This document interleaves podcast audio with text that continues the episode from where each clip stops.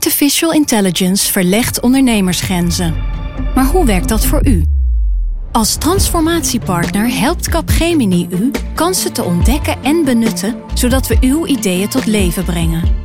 Vorm uw eigen mogelijkheden met generative AI. Ontdek meer op capgemini.nl/slash AI. Capgemini. Get the future you want. Wij zijn van de straat, van de buurt, van de wijk. Wij zijn van heel Nederland. Samen zorgen we voor vrolijkheid, verbinding, feest. Samen brengen we in één jaar tijd 349 miljoen euro bij elkaar. Miljoenen waarmee onze goede doelenpartners de wereld groener, gezonder en rechtvaardiger kunnen maken. Nationale Postcode Loterij. Samen voor een betere wereld.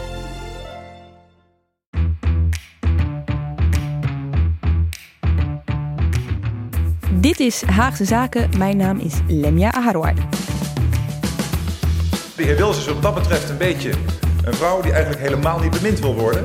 Is het een serieus voorstel of moeten wij hier naar het Leids Cabaret Festival luisteren? En u kunt nog zo vaak roepen dat wij weg willen gaan, maar we zullen alleen maar met meer mensen terugkomen. We gaan 12 jaar terug in de tijd. Het jaar is 2006 en het is een belangrijk jaar voor drie mannen. Alexander Pechtold, Geert Wilders en Mark Rutte. Twee van hen worden fractievoorzitter. Eén van hen doet voor het eerst mee met de verkiezingen met zijn eigen partij, de PVV. Thijs, waarom gaan we het nu, twaalf jaar later inmiddels, over deze mannen hebben? Nou, deze drie mannen zijn eh, samen overigens met Marianne Thieme van de Partij voor de Dieren de absolute veteranen van het Binnenhof. Uh, ze zitten er al meer dan twaalf jaar. En uh, alle andere partijen hebben in de tussentijd al twee of drie of soms zelfs vier leiders gehad. Uh, maar zijn tegelijkertijd de mannen, de, de, de, politici waarvan je normaal gesproken zou zeggen dat ze ergens in deze kabinetsperiode ook Den Haag zullen gaan verlaten. En een opvolger zullen moeten krijgen. En na de gemeenteraadsverkiezingen is dat allemaal nog weer een stukje urgenter en interessanter geworden. Dus daar moeten we het met elkaar over gaan hebben. Met jou, Thijs Niemand Verdriet. En met jou, uh, Barbara Rijlaarstam. Maar eerst eventjes, we gaan het straks nog uitgebreid hebben over opvolging. We gaan het hebben over hun onderlinge verhoudingen. Uh, Marianne Thieme trouwens, die hoor je nu niet meer terug vandaag. Maar binnenkort een hele aflevering over haar partij. Partij voor de Dieren. Maar eerst even terug naar die beginperiode. Bij Alexander Pechtold. Die werd dus in 2006 fractievoorzitter. Uh, maar hij is veilingmeester uh, geweest. Hij heeft in de gemeenteraad van Leiden gezeten. Hij is drie keer wethouder geweest. Hij is burgemeester geweest van Wageningen. Iets meer dan een jaar minister voor bestuurlijke vernieuwing geweest. Tussen 2005 en 2006. En daarna fractievoorzitter. Maar volgens mij ging dat niet helemaal vanzelf, dat laatste. Nee, want uh, wat iedereen heeft het nog steeds wel eens over die uh, hele bloederige uh, tussen Rutte en Verdonk in 2006. Maar in de schaduw daarvan speelde zich nog een andere lijsttrekkerstrijd af tussen Alexander Pechtold en Loes van der Laan.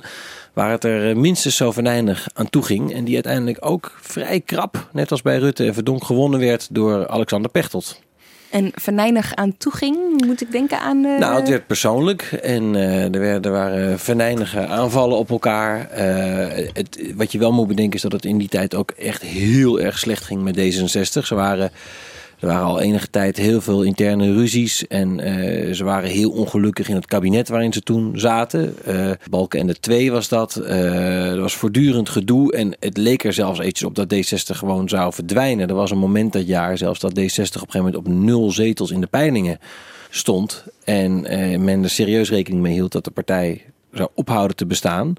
En toen was daar Alexander Pechtold, die toch na enige tijd de redder van de partij bleek te zijn. Maar niet zonder slag of stoot ging dat dus. Want het was best wel, je noemde het net al bloederig. Wat was voor D66 redelijk nieuw toen, toch? Zo'n uh, zo'n manier van politiek voeren.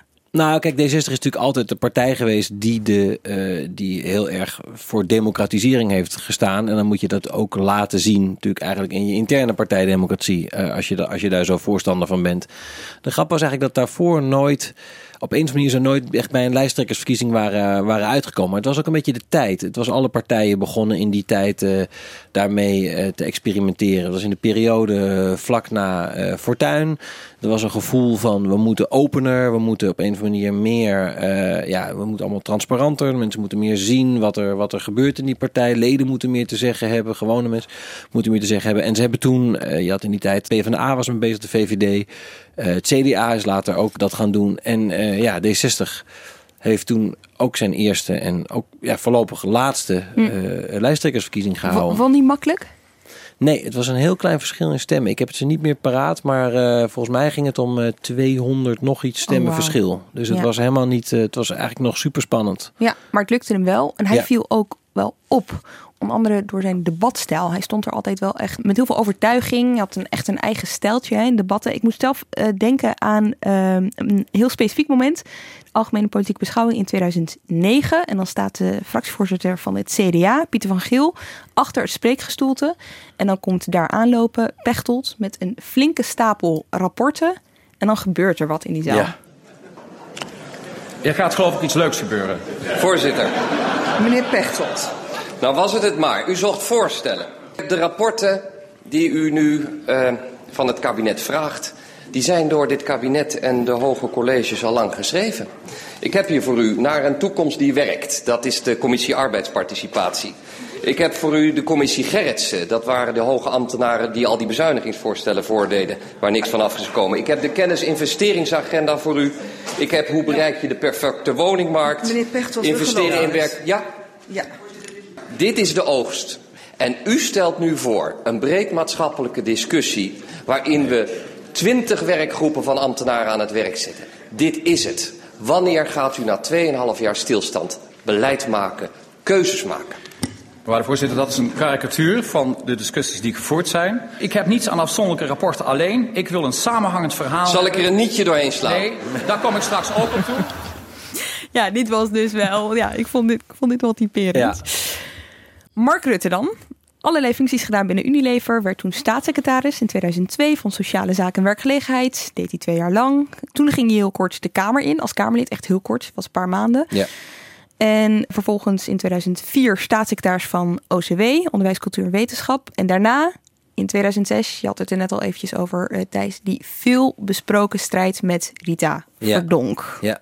Werkte u toen eigenlijk al in Den Haag? Ik, ik kwam er wel eens, maar was formeel nog geen Oké. Haags verslaggever. Maar dit was natuurlijk voor iedereen die van politiek hield, was dit een buitengewoon interessante vertoning. En het was natuurlijk ook zo, je moet ook bedenken, dat ook de VVD zat toen in een gigantische turbulente tijd. Wilders was twee jaar daarvoor eruit gestapt en zijn eigen club begonnen. Eh, je had Kamerlid Hirsi Ali. Dat ook tijdens die eh, verkiezingsstrijd was de hele affaire rondom dat Verdonk haar paspoort dreigde in te gaan trekken.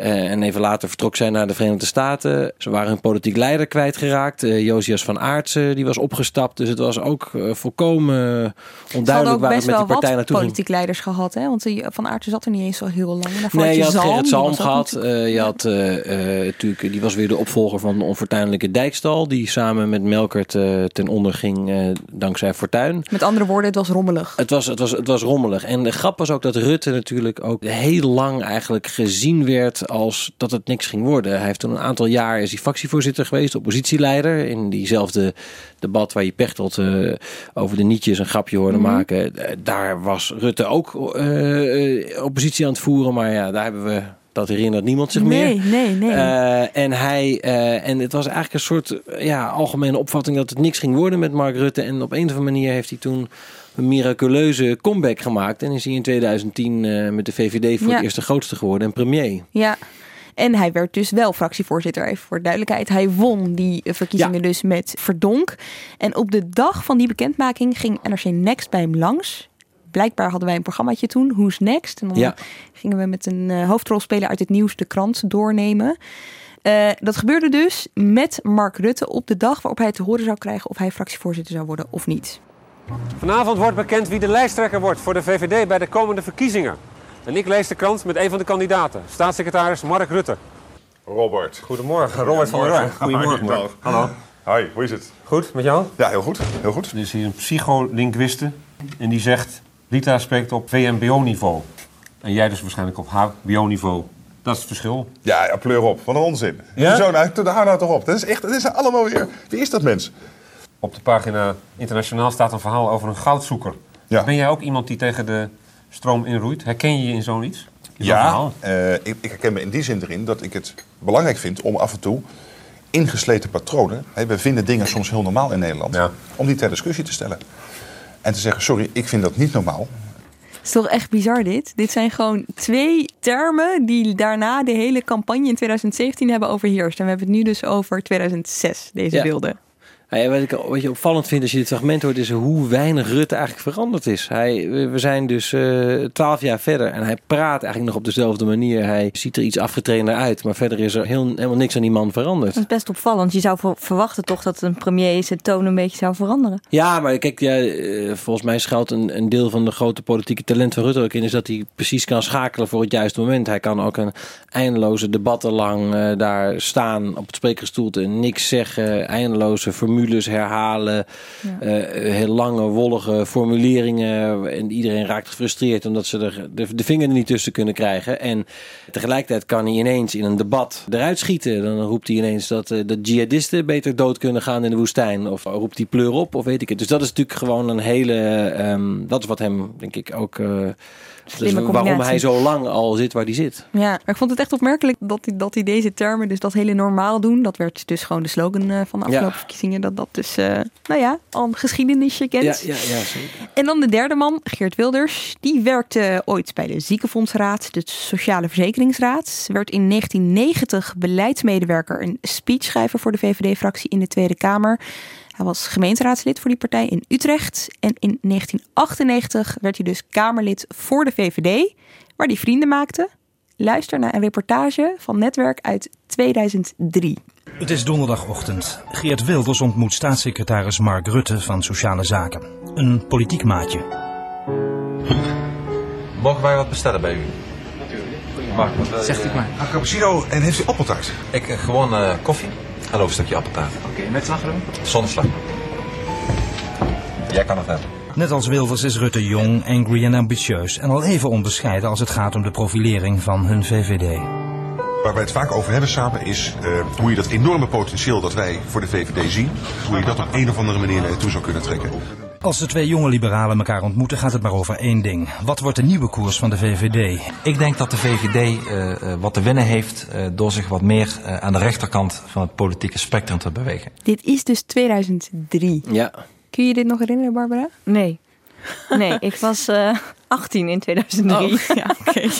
en nog niet. eh, nou, ik was volgens mij net begonnen met de opleiding voor journalistiek. Dus eh, ja, ik had het misschien eh, maar al kunnen volgen. Politieke maatjes dus. Ja, en wat ook een leuk detail is, is dat ook Wilders nog een poosje de, de mentor van Rutte is geweest. Hè? Dus ze hadden een systeem daar waarbij als iemand nieuw was in de politiek, Rutte kwam in 2002 eigenlijk vers uit het bedrijfsleven, werd hij staatssecretaris, kwam in het kabinet in en hij had een politieke mentor en dat was Geert Wilders. Die op dat moment al eh, twaalf jaar in Den Haag rondliep. Dat blijft natuurlijk ook altijd een grote Ja, ja. eh, paradox van Wilders. Dat hij zich van iedereen het aller, aller, aller, allerlangst in Den Haag rondloopt. Maar zich nog steeds als de complete ja. outsider presenteert. En die heeft een poosje, eh, had hij eh, zo nu en dan een afspraak met Rutte om een beetje te sparren. Over wat advies en ervaringen uitwisselen. Echt waar? En dan leerde hij een beetje de kneepjes van het vak in Den Haag. ja, hoe het werkte en waar je moest wezen en wat, wat, wat, wat de trucs waren. En, ja, Waar dus ze de die- beste appeltaart hebben, met- kennelijk. Ja, en kijk, ze zijn natuurlijk hun, hun, hun lot is eigenlijk altijd heel nauw verbonden geweest tussen van die twee mannen. Oh ja? Nou ja, ze zijn elkaar op cruciale momenten altijd weer tegengekomen. Want eh, later zijn ze natuurlijk, eh, toen nadat Wilders voor zichzelf was begonnen en eh, groot werd met de PVV in 2010, zijn ze natuurlijk samen gedoogpartners Ja. geworden in het eerste kabinet van Rutte. Had in feite zijn eerste kabinet aan Wilders te danken. En nou ja, en dat is natuurlijk de laatste jaren is dat wel, is dat wel een ander geval geworden. Is, het, is er echt grote afstand gekomen tussen die twee. Ze zijn wat uit elkaar gegroeid. Ja. Want ja, eh, in 2003 worden ze nog politieke maatjes genoemd. Maar die vriendschap duurde dus niet heel lang. Want één jaar later stapte Wilders dus uit de VVD. Nam hij zijn zetel mee. Werd hij eerst de groep Wilders. Ja. Eh, en dat ging toen over... eh, hij weigerde om in te stemmen met en eventueel lidmaatschap van Turkije aan de EU. Ook heel interessant om te zien hoe de tijden veranderd zijn. Ja, hè? Want Wilders ja. werd toen daar, daar, daarmee gezien als te extremistisch. Eh, De VVD-fractie eh, wilde daar niet eh, wilde die optie open houden, was daarvoor eigenlijk. Wilders werd gezien als een soort eenzame eh, fanatiekeling die daartegen was. En nu is dit iets wat over de volle politieke breedte van links tot rechts eigenlijk gemeengoed is. Nu is het bijna No- controversieel om het tegenovergestelde Ja, no way dat Turkije Ja, bij de EU ja. gaat komen. Ja, ja, ja. En eh, toen waren de verkiezingen in 2006 en kwam hij dus in de Kamer met de PVV zes zetels in één klap. Negen. Negen zelfs, inderdaad. Negen zetels. Negen zetels in één klap. Goed, bepalend jaar dus voor deze drie mannen. Maar hoe was hun onderlinge verstandhouding? Ehm, want ja, als je met z'n drieën dan in de Kamer komt hè, eh, en als fractievoorzitter, dus het is voor alle drie heel spannend. De een heeft pas een nieuwe partij. Ga je dan achter de schermen een beetje met elkaar samenklitten? Ga je een biertje drinken? Wil je ervaringen uitwisselen? Of werkt dat niet zo in Den Haag? Nou, over het algemeen is het zo dat iedereen... Kijk, die mensen die zien elkaar vaker dan hun, soms dan hun eigen man of vrouw. Mhm. Dus ja, iedereen... eh, Zeker als je in oppositie zit, hoor je vaak, is het wel zo dat je... eh, dat schept wel een band samen tegen het kabinet. En met name eh, Rutte en Pechtold waren in die tijd... en eigenlijk met als derde Femke Halsema van GroenLinks... die waren heel close met elkaar. Die waren... Die vonden dat, dat, kabinet wat er toen zat, Balken en de Vier, dat vonden ze maar niks. Het was een suf kabinet wat alle hervormingen en bezuinigingen maar voor zich uitschoof en niks durfde en alleen maar ruzie had. En dat, dat, schepte een band. En eigenlijk hebben Rutte en Pechtold daar, Halsema is op een gegeven moment natuurlijk vertrokken, Ja. maar Rutte en Pechtold die hebben daar eigenlijk wel een hechte band gesmeed, waarvan je zou kunnen zeggen dat die op de dag van vandaag eh, ook bestaat. Vriendschappelijke band? Ja, vriendschap ver? is altijd iets relatiefs in de politiek. Eh, het, is, het, is, het is altijd functioneel. Kijk, Er zijn natuurlijk mensen die elkaar intuïtief wel mogen. Maar kijk, het is, natuurlijk, het is altijd in de eerste plaats politieke vriendschap. Ja, ja, wat niet zo heel erg vriendschap was, of in ieder geval voor de bühne geen vriendschap leek, dat was Alexander Pechtold en Geert Wilders. En ik heb diep, diep gezocht in de archieven en ik vond een, Radio 1 verkiezingsdebat vlak voor de verkiezingen van 2006. Je noemde net Femke Halsema, die zat ook aan tafel. En er wordt gedebatteerd over een thema dat eigenlijk nu nog steeds, waar, waar nu nog steeds veel over gedebatteerd wordt. En als ik zojuist de heer Wilders hoor praten over een natuurramp, een tsunami, vergelijken met mensen die hier naartoe komen, dan vind ik dat te walgelijk voor woorden en dan vind ik dat we daar weer werk aan moeten vinden. Mag, mag ik zeggen dat dit Wilders, onderdeel van het probleem meneer is? Want is we één. zijn eindeloos al jarenlang met elkaar ruzie aan het maken over symboliek. Daarom maakt de heer Wilders de uitspraak omdat hij deze reactie wil uitlokken. Ik Nou, wil misschien- echte praktische maatregelen hebben. Onderwijs, werkgelegenheid, discriminatiebestrijing. En dit gedoe over en weer, daar is de heer Ja, maar Wilders om te mevrouw doen. Halsema, Trap er niet in, meneer Pechtold. Mevrouw Halsema, dit gedoe. Daar gaan wij het zo over hebben. Ik wil wel even het woord aan de heer Wilders Nou, geven, dat zou want wel, het gaat het zou wel mooi zijn als de heer Wilders zelf ook hierop zou mogen reageren, inderdaad. Ja, en dat doet hij dan ook. Maar je ziet al wel dat de verhoudingen dan al best wel scherp liggen. Ja, Wilders is natuurlijk iemand die altijd flink stelling heeft genomen en, en reacties probeerde uit te lokken. En dat de partijen moeite hadden om te kijken hoe ze daarmee om moesten gaan. Negeer je hem dan, dan eh, eh, ja, wek je het idee dat je ermee instemt misschien. Mhm. Of dat je het niet belangrijk genoeg vindt om er tegen in te gaan. Ehm, en ga je er wel hard tegen in, dan krijgt hij ja, voor een deel zijn zin. Want dan gaat het steeds maar over die thema's die hij aansnijdt. Ja, aan de andere kant, je kunt er ook wel wat aan hebben door je te profileren Nou ja, als de anti-Wilders. Het mooie van dit fragment natuurlijk 2006 is dat je al ziet hoe vroeg eigenlijk die twee Pechtold en Wilders eh, met elkaar verbonden zijn Mhm. als elkaars tegenpolen. Ze hebben heel veel aan elkaar te danken in die zin. Er wordt altijd gezegd Pechtold heeft deze, het huidige D60 gemaakt tot wat het is. Er zijn D66'ers die zeggen nou een aantal van die keuzes van eh, minder de- gefocust op, eh, op referenda en gekozen burgemeester en meer op nou ja, hervormen, vernieuwen. Dat was al van voor die tijd. Maar wat wel echt een, het stempel is geweest dat Pechtold op die partij verdrukt, is dat hij de tegenstand met Wilders heeft opgezocht. Het gevoel heeft gegeven, en dat heeft hem ook heel veel electoraal profijt opgeleverd. Bij D60 is de beschaving in de goede hand. Als u, als u walgt van mensen zoals Wilders met hun stemmingmakerij, dan kunt u terecht bij D66. En dat heeft hij dus al heel vroeg. Ja. Heeft hij dat in de smiezen? En daar maakt hij ook wel, ja, zou je bijna kunnen zeggen, handig gebruik van. Ja. Bijvoorbeeld hier tijdens de debatten over de miljoenennota van het kabinet eh Balken en de Vier in 2010. Ja, voorzitter, even de onderbreking in de beledigingen. Ehm, noemde u het nou ook net koptax? Kopvoddentax. Wat, is het een serieus voorstel of moeten wij hier naar het Leids Cabaret Festival luisteren? Is, wat, wat, wat bedoelt u daarmee? Wat is dat voor een, eh, voor een tax? Nou, gewoon een belasting. Je vraagt een vergunning aan als je een hoofddoekje wil dragen. Dat kost je 1000 euro per jaar. En, en dat betekent uh, een pet, de hoed van Plasterk, uh, die, die vallen daar buiten of is een apart tarief? Nou, voor, voor de heer Plasterk zou ik nog wel een apart tarief in het leven willen roepen, eerlijk gezegd. Maar nee, het is gewoon een kop van de tax. Met andere woorden, een hoofddoekjesbelasting. Collega Wilders, nou loopt u hier al een twintig jaar op dat Binnenhof rond. Ik geloof dat u nog nooit iets anders verdiend hebt dan belastingcenten. En nou gaat u hier met een voorstel komen wat eigenlijk aan een eenschakeling van beledigingen is naar een bepaalde bevolkingsgroep weer. En u gaat me vertellen dat u dat verder niet uitwerkt, dat dat gewoon is, u gooit dat hier zo neer, u heeft daar geen omschrijving bij, het is gewoon een stukje cabaret. Of niet? En dan is mijn, mijn vraag, wat doet u hier nou? Loop nou weg met die negen. Ze gaan toch niks toezeggen. Ze gaan het niet uitrekenen voor u.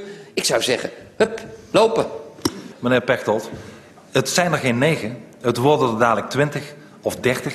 En u kunt nog zo vaak roepen dat wij weg willen gaan als u het wil. Maar we zullen alleen maar met meer mensen terugkomen. Omdat onze boodschap is een boodschap meneer Pechtold, die steeds meer mensen aanspreekt. En als die boodschap er van ons niet was, overigens, dan stond u op een magere twee zetels in de peilingen. Mag ik dat er ook nog even bij nemen? Voorzitter, zolang u dit land probeert te verdelen met uw xenofobe, racistische uitingen richting bevolkingsgroepen, zal ik hier elke keer staan. Het is een gênante vertoning, het is niet doorgerekend, het stelt dus ook helemaal niets voor. Ik zou zeggen, zeven moties van wantrouwen lopen.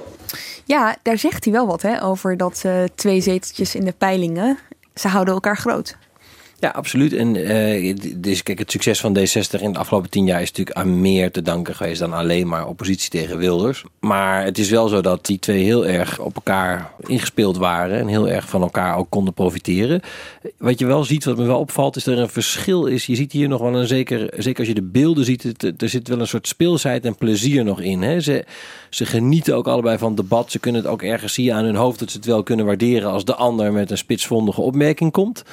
En dat is wel iets wat er echt een beetje af is. Als je kijkt naar de recente ja. debatten, ook in de, bij de gemeenteraadsverkiezingen, dan is het hard en venijnig en ja. op de man. En uh, is, het, is, is, er, is er weinig speelsheid meer aan. Ja, want ik kan me ook herinneren uit deze tijd dat het, dat het letterlijk dat er, naar, op, dat er op gewacht werd tijdens grote, ja. uh, grote debatten wanneer zij twee elkaar ja, duel, uit zouden ja. Uh, dagen.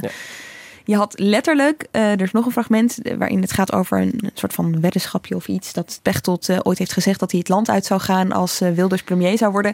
Beste meneer Pechtold, belofte maakt schuld. Ik ben bereid om vanavond, hoe later ook wordt, u te helpen met uw koffers te pakken. Dat gaan we doen. En dan zie je Pechtold letterlijk met zijn armen dat kom maar, kom maar, kom gebaar. Ja, je ziet een soort twinkeling in die ogen. En ze hebben daar duidelijk allebei heel veel plezier aan gehad. Ja. Inderdaad. Als Wilders minister-president wordt, en dat is u nog niet gelukt...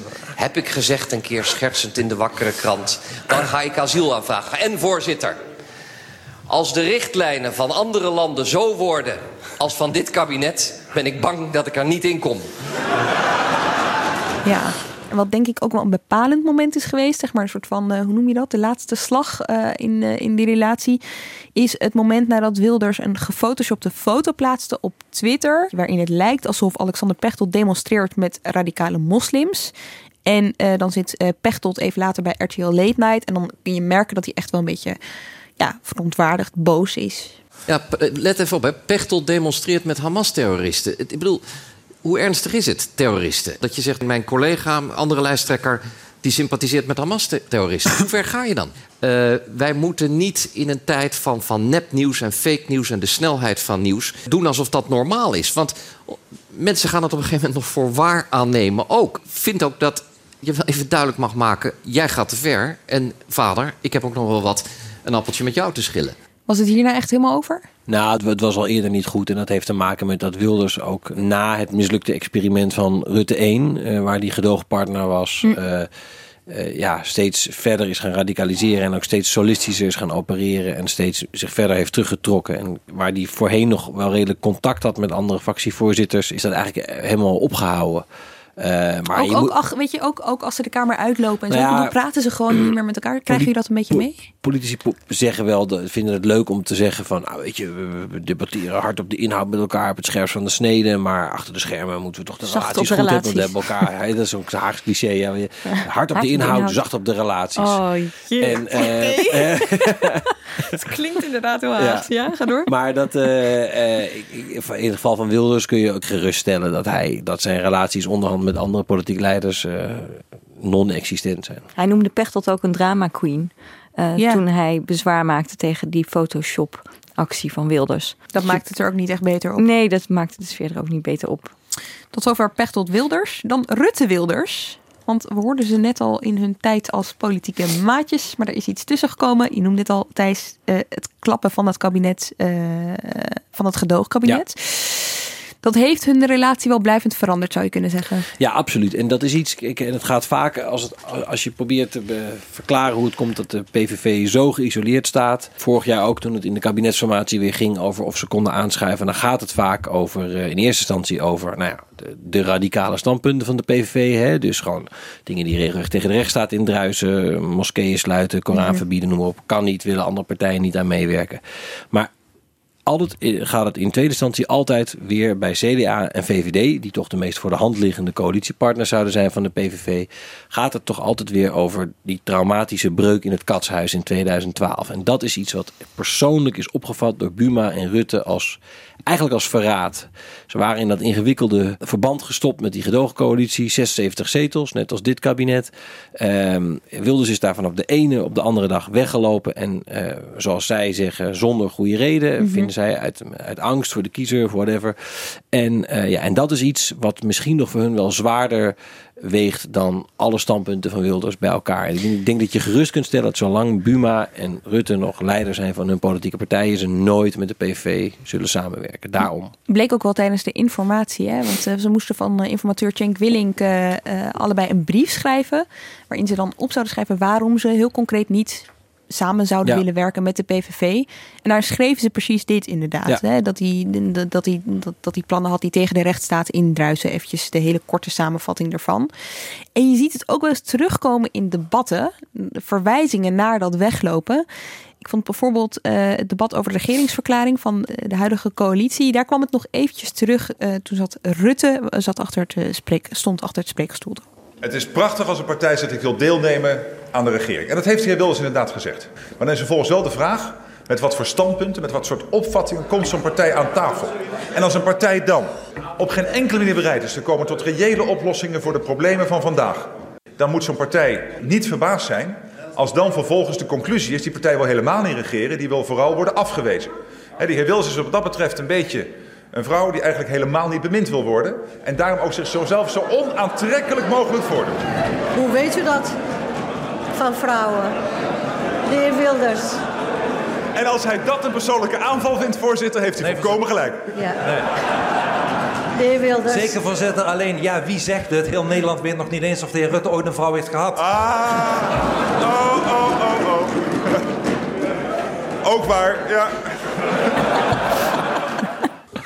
Ja, hier was toch, dit was toch best wel recent. En hier was toch wel weer een beetje dat oude. Hier hadden ze allebei weer de smaak te pakken. Ja, ja, voor eventjes. Wel een beetje mislukte grap overigens met die vrouw. Zeker in tijden van MeToo. Dat was, eh, er, er werd, er werd niet heel uitbundig gelachen. In de... Maar goed, kijk, dit zijn, dit zijn van die momenten dat plezier van het debat nog wel, nog Mhm. wel opflikkert. Maar eh, Gelukkig maar ook, zou ik zeggen. Ja. Want anders dan zijn het lange jaren als je Ja. geen plezier Ja, want meer hebt. vinden, ze- vinden ze het, weet je wel, vinden ze het nog? Je zou, maar, je zou maar echt al zo lang tegen het hoofd van iemand anders aan moeten kijken. En steeds diezelfde debatten over dezelfde thema's moet voeren. Ik bedoel, Ja. ik kan me ook voorstellen dat het, het plezier weghaalt uit, uit het werk. Ja, ja, maar dat geldt natuurlijk voor hun alle drie. Twaalf Ja, jaar is ja. al een lange tijd in de politiek. Een maand is al, eh, is al een lange tijd in de politiek, zei een Britse politicus ooit. La- Laat staan twaalf jaar. Ja. En zeker in de huidige politiek, waarin de omloopsnelheid zo hoog is en eh, nou ja, politieke reputatie zo snel aan gort kunnen gaan, is natuurlijk in eerste plaats bijzonder knap dat deze drie mannen het zo lang hebben volgehouden. Eh, maar ja, er komt ook wel een punt dat je, dat je echt moet gaan afvragen, hoe is dit met de politieke houdbaarheid? Ja, we gaan het straks hebben over houdbaarheid en over opvolgers. Maar ik wil nog eventjes Rutte Pechtold. Hoe is die verhouding? Want we hadden het net al over een eh, vriendschapsverhouding. Die is eigenlijk altijd goed gebleven, is mijn indruk. Ehm, functioneel, maar goed. Ook in die tijden. Kijk, Pechtold heeft het Rutte in eerste instantie heel erg kwalijk genomen dat hij niet mee mocht doen eh, bij Rutte 2. Toen ging Rutte met uh, Diederik Samson, met de Partij van de Arbeid. Uh, later is hij in die gedoogrol terechtgekomen van dat kabinet. Dus hadden ze dus was, was in feite voortdurend gesprekspartner van Rutte. En die relatie is altijd goed geweest. Ook omdat het twee um, politie zijn die heel goed doorhebben uh, hoe belangrijk people management is. Hè. Uh, het is uh, gewoon heel erg goed hebben begrepen dat als ze iets, iets willen, dan dat, ze dat ze met elkaar een goede voet moeten zijn. En je zag het bijvoorbeeld ook in het befaamde moment in de kabinetsformatie vorig jaar in 2017. Toen uh, Pechtold Gert-Jan Segers van de ChristenUnie schoffeerde door hem in een gesprek eigenlijk uh, van tafel te praten. Mm -hmm. Waardoor die coalitie in instantie niet leek te kunnen komen. En toen heeft Pechtold en Rutte zaten geloof ik ander, anderhalf uh, dag later zaten ze alweer s ochtends met elkaar koffie te drinken ergens bij een strandtent in Scheveningen. Toen ze gesnapt, Terwijl ze bij de VVD ja. heel erg boos waren over wat Pechtold gedaan had. Ja. Maar ze hadden allebei intuïtief begrepen, oké, okay, de relatie moet hersteld worden. Ja, sturen ze elkaar ook sms'jes tijdens verjaardagen? Dat weet ik niet. Dat heb ik nooit aan ze gevraagd. Vast ik ben gewoon heel benieuwd, weet je wel, of, ja. het, of het allemaal heel erg zakelijk is. Of dat je op een gegeven moment na twaalf jaar ook denkt van... hé, hey, je bent eigenlijk best aardig. Je bent meer dan alleen een collega. Je bent ook gewoon een vriend. Ja. Ja, ik weet, ja, wat je vaak hoort trouwens, maar het is een beetje een zijpad, is dat dat vaak de politie van christelijke partijen daar heel goed in zijn. Oh, ja? Dus SGP, de ChristenUnie. Hoor je van mensen als het echt tegen zit, als er iets moeilijks in je leven gebeurt, een burn-out of een sterfgeval, de mensen van wie je als eerste een hele hartelijke, warme brief krijgt of een bos bloemen. Uh, dat, zijn, dat zijn van die twee partijen. Wat opmerkelijk. Ja. Echte mensen. Christelijke mensen. naaste liefde. Ja, dat zal het zijn. We gaan het hebben over de opvolgers. Eventjes helemaal niks over de liefde, maar uh, over uh, wie van de drie zal er als eerste weggaan? Um, de politieke logica zou zijn dat uh, Alexander Pechtold als eerst opstapt. Je ziet dat hij het een beetje zwaarder heeft dan de rest. In die zin dat hij voor het eerst uh, bij de verkiezingen, de laatste gemeenteraadsverkiezingen, een minder resultaat heeft behaald. Het was niet zo slecht als we eerst dachten. Mm -hmm. Maar hij heeft grote steden verloren. Dat is natuurlijk heel zichtbaar. Dat is best een, een pijnlijke klap.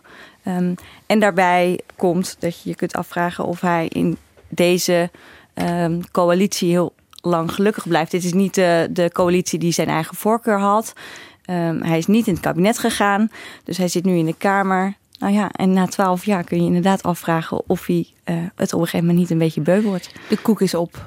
En je zag het ook een beetje tijdens de campagne voor de gemeenteraadsverkiezingen. Daar probeerde D66 in eerste instantie ook uh, wat ze met de PVV hadden gedaan al die jaren, ook bij Forum voor Democratie. Hè? Dus met ja. Baudet als nieuwe mm -hmm. tegenstander. En dat lukte gewoon niet helemaal lekker. Dat sloeg niet aan. Zijn er op een gegeven moment ook weer mee opgehouden. Ze ontkennen overigens, als je ze daarna vraagt, dat dat een hele bewuste strategie was. Maar dat merkte dat... je dat aan dan? Tijdens debatten en zo? Nou ja, je zag dat probeerde. het kiezen van die... De kreeg, kreeg, kreeg daar heel veel kritiek op. Hè, te, waar, waar ze bij zijn tegenstand tegen wilden ze altijd het, vaak het gevoel was van... Goed dat die man, dat er mm -hmm. iemand is die, die, die ja. weerwoord biedt. Was hier toch het algemene gevoel van... Is dit niet te gezocht jongens? Want er is maar één gemeente waar deze partijen tegen elkaar echt uh, mm -hmm. allebei verkiesbaar zijn. En dat is ja. Amsterdam. Terwijl er in 335 gemeentes verkiezingen waren. Dus, um, en je zag het ook, heb, heeft op een gegeven moment toen ook gezegd van, um, hij kwam met dat punt dat zijn kinderen zouden dan lastig gevallen worden op uh, Instagram ja. uh, door de vorm van democratie was ook een beetje gezocht uh, in alle eerlijkheid. Um, dus je zag een beetje, je had een beetje het gevoel dat, de, de, dat het niet meer, niet meer allemaal even goed, even goed werkte. Nou is het wel zo dat Pechtold vaker, dat vaker van Pechtold gezegd is en dat hij ook over een enorme veerkracht beschikte om weer om weer uh, terug te keren.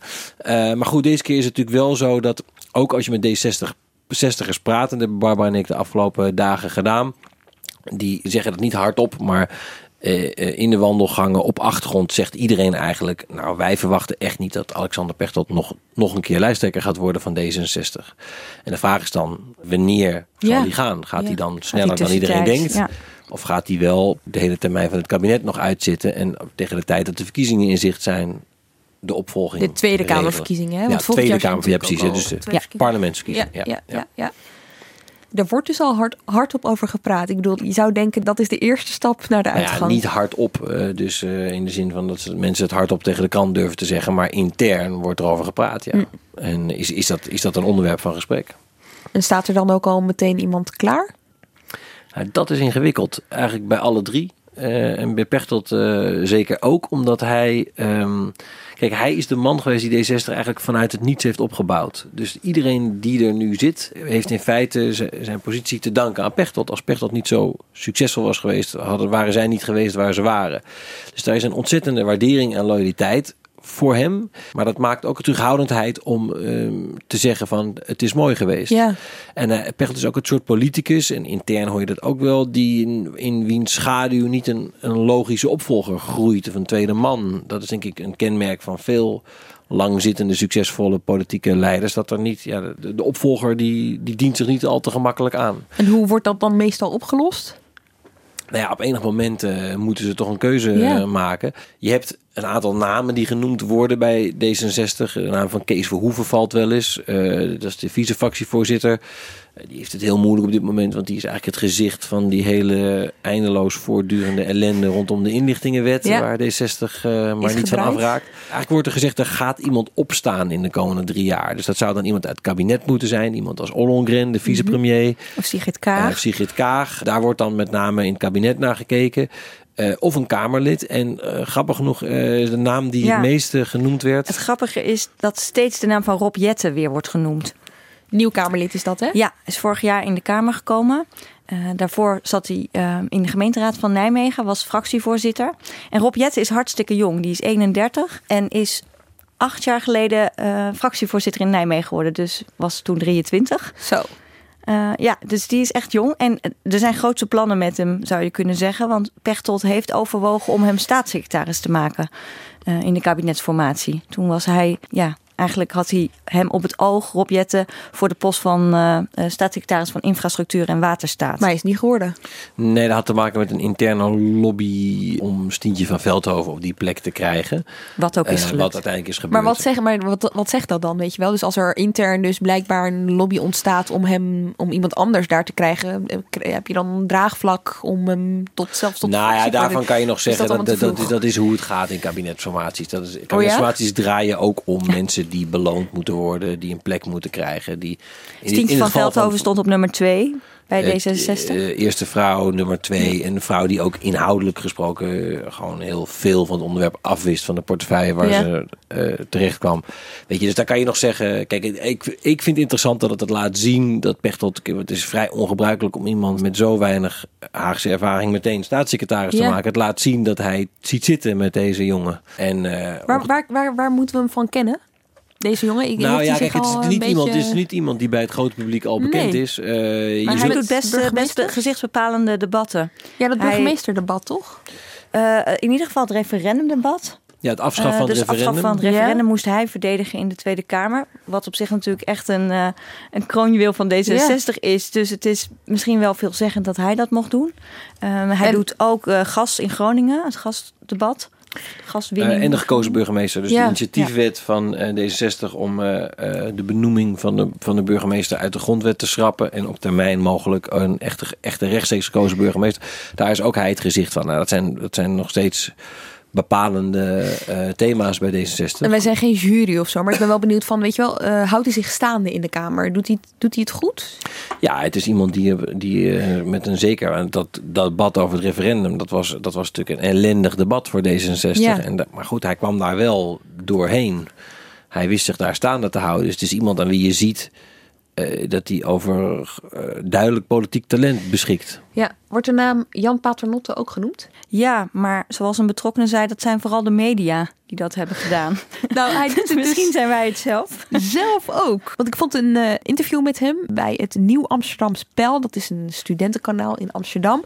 En daarin was hij uh, heel uitgesproken over zijn ambitie. Wil ik premier worden? Uh, nou ja, niet deze keer. Ik heb nog nooit in Den Haag iets gedaan, dus laat ik eerst maar eens kijken wat ik daar waard ben. Maar uh, premier Paternotte, dat klinkt toch fantastisch? Vindt hij zelf. dus wel. Hij is nu Kamerlid. Ja, ja. Valt hij op? Is het iemand Bescheidenheid die, sierde de mens. ja, klinkt zelfverzekerd. Ja. ja. Hij wil vooral zijn best doen, geloof ik. Dus, uh... Oh, dat klinkt echt... nou, dan moet hij mee doorgaan dan inderdaad. Oké, okay, Wilders en zijn ja. PVV. Gaan er verhalen over in de rond überhaupt? Want hij heeft het de laatste gemeenteraadsverkiezingen niet heel goed gedaan. Hij, hij zit in de Kamer echt al sinds een eeuwigheid, sinds 1998 dus. Eerder al als beleidsmedewerker.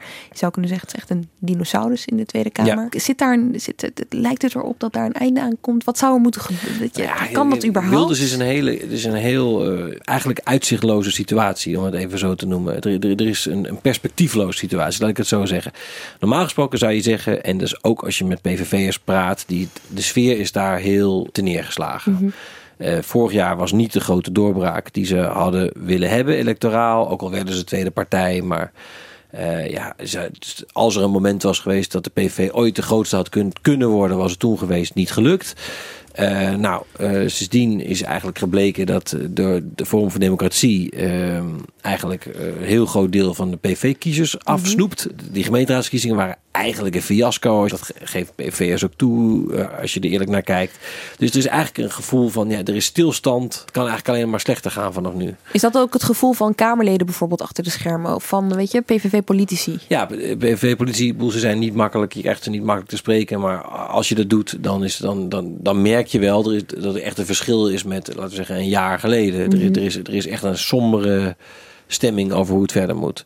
Normaal gesproken zou je zeggen, bij een gewone politieke partij zou je zeggen, de koek is op, Wilders, er moet een nieuwe leider komen. Alleen, kan dat? Er is geen, er is geen partijstructuur. Er is geen partij. Er is geen Wilders heeft, heeft in die 14 jaar dat hij, eh, dat hij nu voor zichzelf is, heeft hij nooit iets opgebouwd. Er is geen partij, er is geen bestuur, er, is nooit, eh, er zijn geen partijleden, er is geen wetenschappelijk bureau, er zijn geen echte lokale afdelingen Ja. waar talent gekweekt is kunnen, heeft kunnen worden. Dus ja, Wilders is de PVV. Dus als Wilders weggaat, is ook het, eh, is, zou het heel goed kunnen dat de hele boel in elkaar dondert. En ook door het beleid dat eigenlijk alles draait om, om Wilders. Eh, en andere Kamerleden niet genegen zijn om interviews te geven of heel makkelijk te verschijnen in kranten, tijdschriften of voor de televisies, kunnen zij ook weinig profiel opbouwen.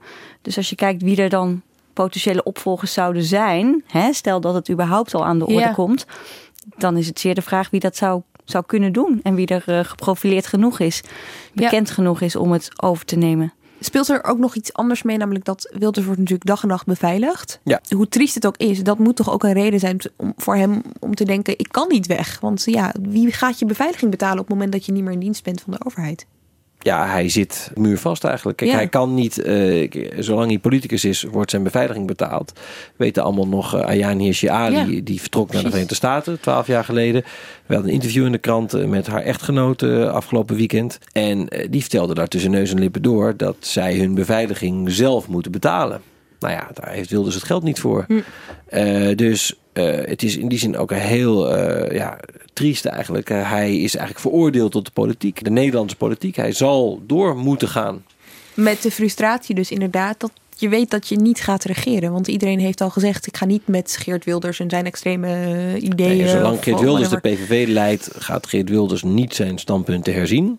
En zolang zijn standpunten niet herzien worden, gaan de andere partijen niet met de PVV samenwerken. Terwijl het Landelijk. wel eventjes, het is nog steeds de op één na grootste partij in Ja. Nederland, hè? Ja, Het is eigenlijk eh, democratisch gezien een hele ongezonde situatie. Dat gewoon een hele grote eh, partij die veel stemmen krijgt, in ieder geval bij de vorige verkiezing veel stemmen kreeg, eigenlijk permanent buitenspel staat als het gaat om de kabinetsvorming. Ik kan me echt voorstellen dat Kamerleden echt denken wegwezen. Want we zitten hier, Ja. we zitten vast. Maar daar is ook weer een ingewikkelde situatie. Dat het, eh, dat het ook is gebleken in de afgelopen jaren. Dat eh, als je eenmaal voor de PVV in de Kamer hebt gezeten. Dat, dat je ook een soort stigma hebt gekregen. En Hm. dat je heel moeilijk aan de slag komt. Als je eenmaal bij die club hoort. Dan eh, zijn heel veel mensen, oud-PVV'ers. Die hebben wij een keer een heel mooi verhaal over gehad. In de krant van onze collega Enzo van Steenbergen. Die daar, die daar PVV'ers aan het woord liet. Oud-PVV'ers die gewoon vertelden dat ze niet meer aan de bak kwamen. Want ze, want ze zijn PVV'ers. Dus dat maakt ook weer extra moeiza- moeilijk om talent te recruteren voor Wilders. Ja,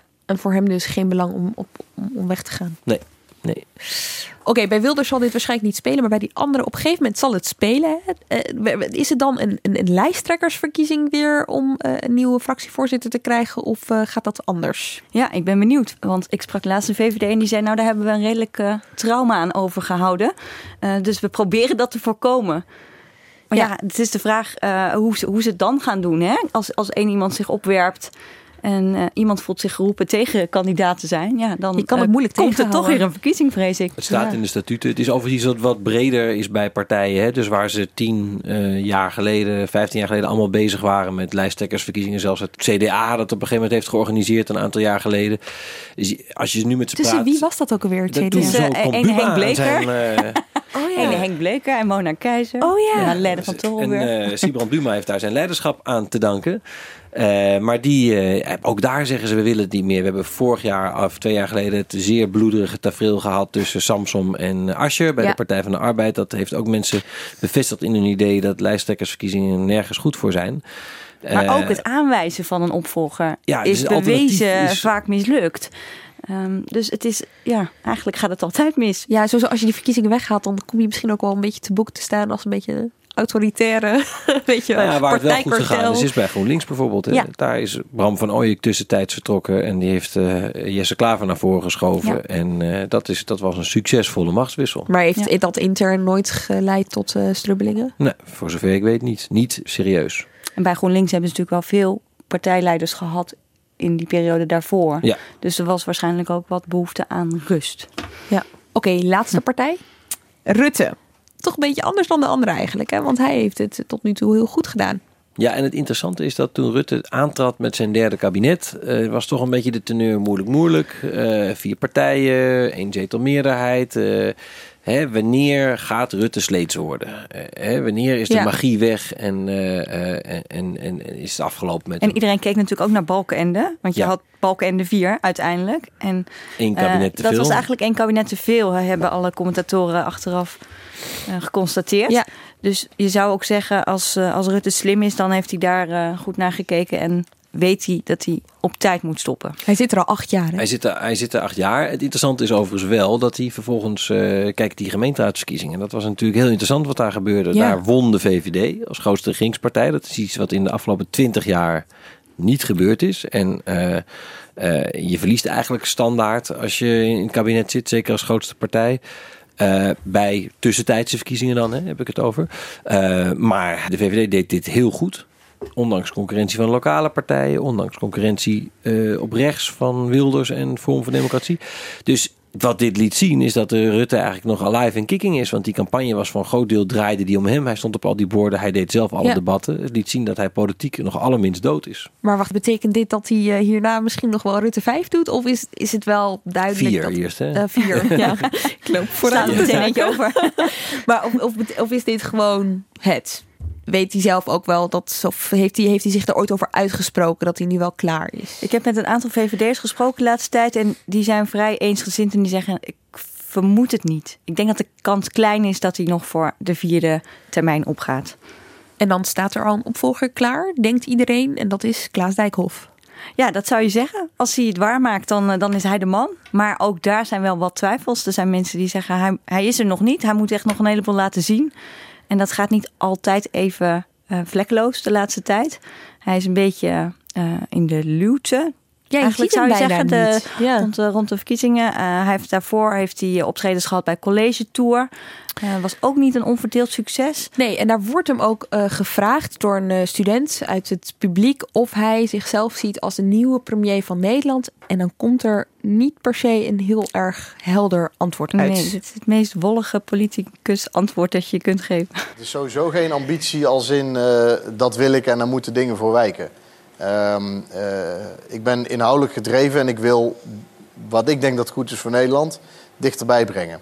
Dus als er anderen zijn die dat beter kunnen, dan moet je die positie juist niet vervullen. Dan moet je dat aan anderen laten. Moet ik eerlijk Klink- zeggen. Klinkt dat nou als een voorzichtig nee? Ik zou het niet willen. Ja, eh, kijk, ik, ik, ga, ik ben sowieso niet in een hobby om vragen te beantwoorden die niet voorliggen. Eh, Dus het is voor mij geen concrete. Nee, maar het is een goede vraag natuurlijk. Nee, zeker. Maar waarom zou je er geen antwoord op nu niet geven? relevant. Zou u het kunnen? Nou ja, met, met, met het advies wat ik net gaf aan, eh, aan de student hier in de zaal, kan, kan, zou ik nou raar zijn om nou te zeggen, nou dat kan ik niet. Want zetten. Dus ja, ehm, ik blijf gewoon toch een soort, ondanks dat ik eh, totaal niet uit de Calvinistische hoek van het land kom, Calvinisme, Calvinistische aarzeling houden om dat uit te spreken. Ja? Ja, vind ik, ben ik dan toch te, te zuinig in. Of zuinig in. Ja, ik vind het gewoon raar. Maar hoe komen wij er nu achter of u zelf vindt dat u er geschikt voor bent? Want als u het dan niet vindt, waarom zouden anderen dan op u moeten stemmen? Of vanwege de ideeën waar je voor staat en die je hebt. En ik, er, is, er is sowieso... Zijn we nu al, hebben we wel even alvast een loopje in de toekomst genomen... Wat, met veel onzekerheden. Het gaat niet over de toekomst. Het gaat alleen maar om de vraag... denkt u dat u het zou kunnen? Dat is een hele overzichtelijke vraag. Ja, ik denk ik wel. Hij denkt het Ja, hij wel. heeft veel woorden nodig om eh, uiteindelijk te zeggen dat hij denkt dat hij het wel kan. is toch wel wat anders dan Jan Paternotte, hè? Die Ja. premier Paternotte Ja. prima Ja, ja, ja. vond klinken. Dat klinkt fantastisch. Maar Ja. jongen, hier moet je me toch echt even iets uitleggen. Want waarom is het zo ingewikkeld om gewoon te zeggen... ja, eigenlijk wil ik dat wel heel graag. Nou ja, het, gaat, het is een beetje de, de, de politieke wet van eh, de kroonprins wordt altijd vermoord. Eh, niemand, geen politicus wil het stempel kroonprins krijgen in Den Haag. En al helemaal niet in de alleringewikkeldste situatie die er bestaat. Namelijk de opvolger van een langzittende, succesvolle minister-president. Dat gaat eigenlijk per definitie mis altijd. Kijk naar Ad Melkert, naar Wim Kok, kijk naar Elko Brinkman, naar Ruud Lubbers. Eh, de, eh, daar rust een vloek op. Dus iedere politicus in Den Haag die er dan vra- naar vraagt, zal op alle mogelijke manieren zo lang mogelijk proberen te ontkennen dat zij de kroonprins zijn. Dat is in feite wat Dijkhoff hier aan het doen is. En dan krijg je dus zo'n ongelooflijk ongemakkelijk antwoord. Ja.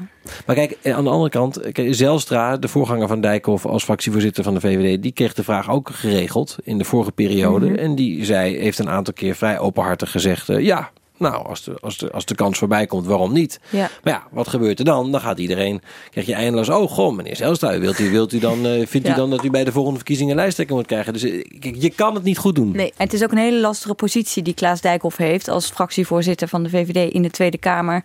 Eh, hè, als grootste coalitiepartij. Hij moet het verhaal van de VVD in de Kamer vertellen. Dus los van wat het kabinet doet, moet de VVD een eigen gezicht hebben in de Tweede Kamer. Daar is hij de man.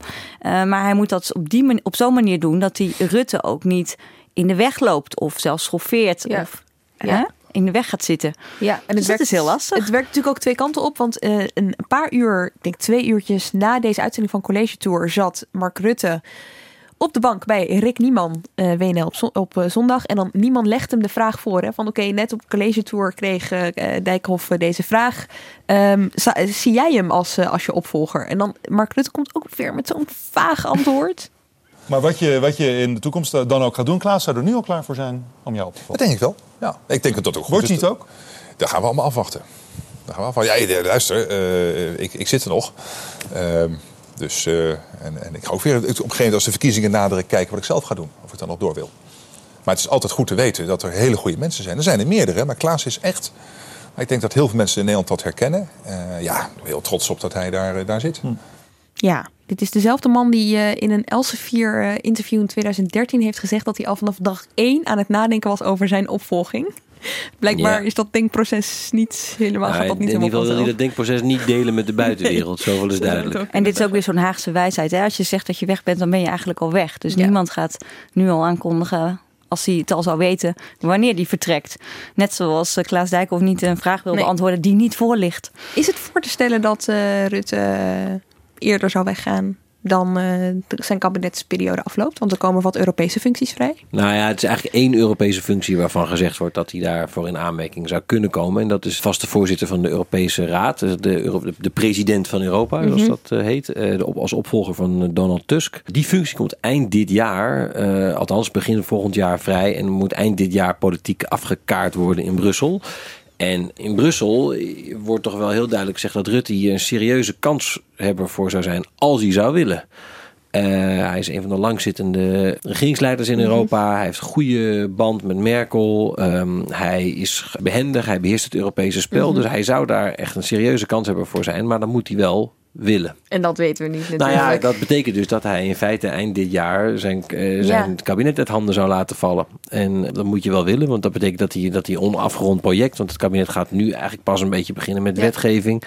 Eh, er komen eh, eh, volgend jaar weer twee verkiezingen aan voor de provinciale staten, waar de meerderheid in de Eerste Kamer op het spel staat, et cetera. Ja, maar dat kan ook een tegenargument zijn, hè? Dat hij denkt van, jeetje, ja, straks heb ik die meerderheid ook niet in de Eerste Kamer. Terwijl daar in de verte lonkt een prachtige baan in Europa. Ja. Dan kan ik het allemaal achter me laten. Ja, ja, volgens mij is Rutte niet een man die denkt in prachtige banen en prestige en aanzien. Dat is, dat is niet iets waarvoor die, waar die heel erg gevoelig voor is. Ik denk eerder dat als hij het zou doen, dat het echt zou zijn omdat eh, vrouw Merkel een moreel appel op hem doet, aan de telefoon hangt en zegt: Mark, weer die.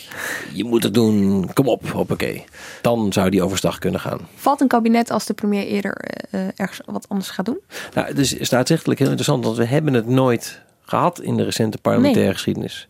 Eh, we hebben nooit, er is nooit een premier tussentijds vertrokken. Eh er was heel even sprake van eh, destijds dat Balken ook Ja. die functie zou krijgen. Dat is toen niet doorgegaan. Eh, maar de algemene, als je met mensen over praat, is de algemene opvatting wel dat dit eigenlijk toch tot nieuwe verkiezingen zou moeten leiden. Dat we hebben in Nederland niet de traditie, of eigenlijk zoals je dat in Engeland doet, premier vertrekt. eh, Mhm. Je vervangt eh, hem, nieuw, ja. En dan zonder verkiezingen gewoon vrolijk verder met een nieuwe premier. Dat in Nederland met die hele ingewikkelde coalities met vier partijen, dat kan niet in Nederland. Dus het zou in feite betekenen ook nieuwe verkiezingen. Ja. Dank jullie wel. Thijs Niemand Verdriet en Barbara Rijlaarsdam. Dank ook weer voor het luisteren. Vergeet je vooral niet te abonneren op Haagse Zaken. Dat is heel handig, want niet steeds als we een nieuwe aflevering hebben gepubliceerd. Voor nu zou ik zeggen, tot volgende week.